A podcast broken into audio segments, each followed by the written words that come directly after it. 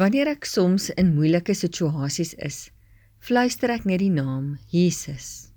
Jesus. Of wanneer ek stilte tyd hou, dan spreek ek net sy naam uit. Hy is so waar my rots en die een wat my staande hou.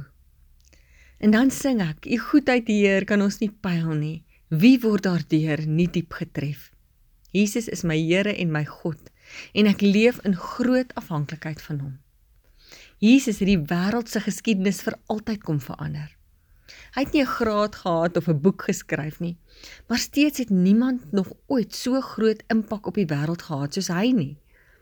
Die Babiloniese ryk het gekom en gegaan.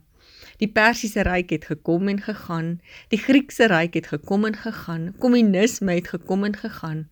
Maar Jesus het die afgelope 2000 jaar lewens verander en hy doen dit vandag nog. Ek en Siebert het onlangs 'n toergroep na Europa geneem. En wanneer jy die kerke en die museums daar besoek, dan besef jy net opnuut hoeveel duisende jare mense hom aanbid. Hy's nie 'n fly by night nie. Hy verander werklik lewens. Hy's anders as enige ander sogenaamde god wat aanbid word. Wat my verstom van Jesus is sy nederigheid. Hy is God self, maar hy trek slawe klere aan en hy word 'n mens om ons te dien, om sy lewe vir ons te gee. Dis ondenkbaar. Die lewende God wat so iets doen.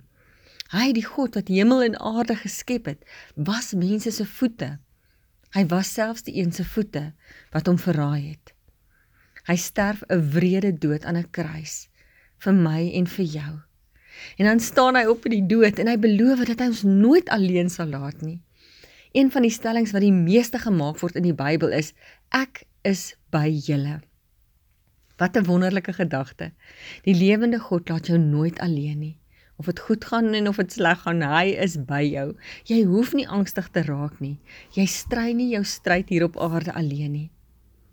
Interessant is dat Jode en Moslems en mense van ander gelowe nie sommer sal stry dat Jesus werklik geleef het nie. Hulle sê hy het regtig gelewe. Hulle erken ook die wonderwerke wat hy gedoen het. Maar hulle sukkel om te verstaan dat hy wat God is dan aan 'n kruis moes sterf. Hulle sal vra watter tipe God sterf aan 'n kruis? Dan antwoord ek: die ware God, die een wat sy kinders, sy skepsel so liefhet dat hy bereid is om sy lewe vir hulle te gee. Net die ware God sal so iets doen, die prys namens sy kinders betaal. Al probeer ek hoe hard, maak ek foute, kies ek verkeerd, kies ek selfs teen sy wil. Ek kan nie my eie redding bewerk nie. God besef dit en hy stuur sy seun Jesus, die volmaakte een, om die skuld namens my te betaal. Dit is genade, grenslose genade. Wanneer God nou na my kyk, kyk hy na my deur die kruis.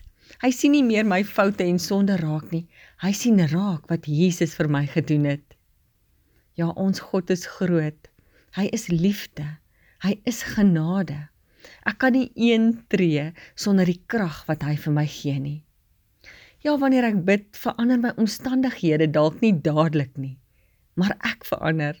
Wanneer ek bid, ervaar ek sy goddelike vrede en krag en vreugde. Wanneer ek bid, kyk ek anders na mense en raak ek bewus van sy teenwoordigheid in my lewe. Al lyk dinge hoe donker, bly ek hoop, want hy is by my en hy gee uitkomste. Boonop kan ek uitsien na ewige lewe saam met hom. Waar daar nie pyn of hartseer of trane gaan wees nie, waar ons in die volheid van sy teenwoordigheid gaan leef. Ag ek bid sommer vir jou dat jy Jesus al hoe meer sal leer ken en 'n pad met hom sal stap, want hy sal jou lewe verander.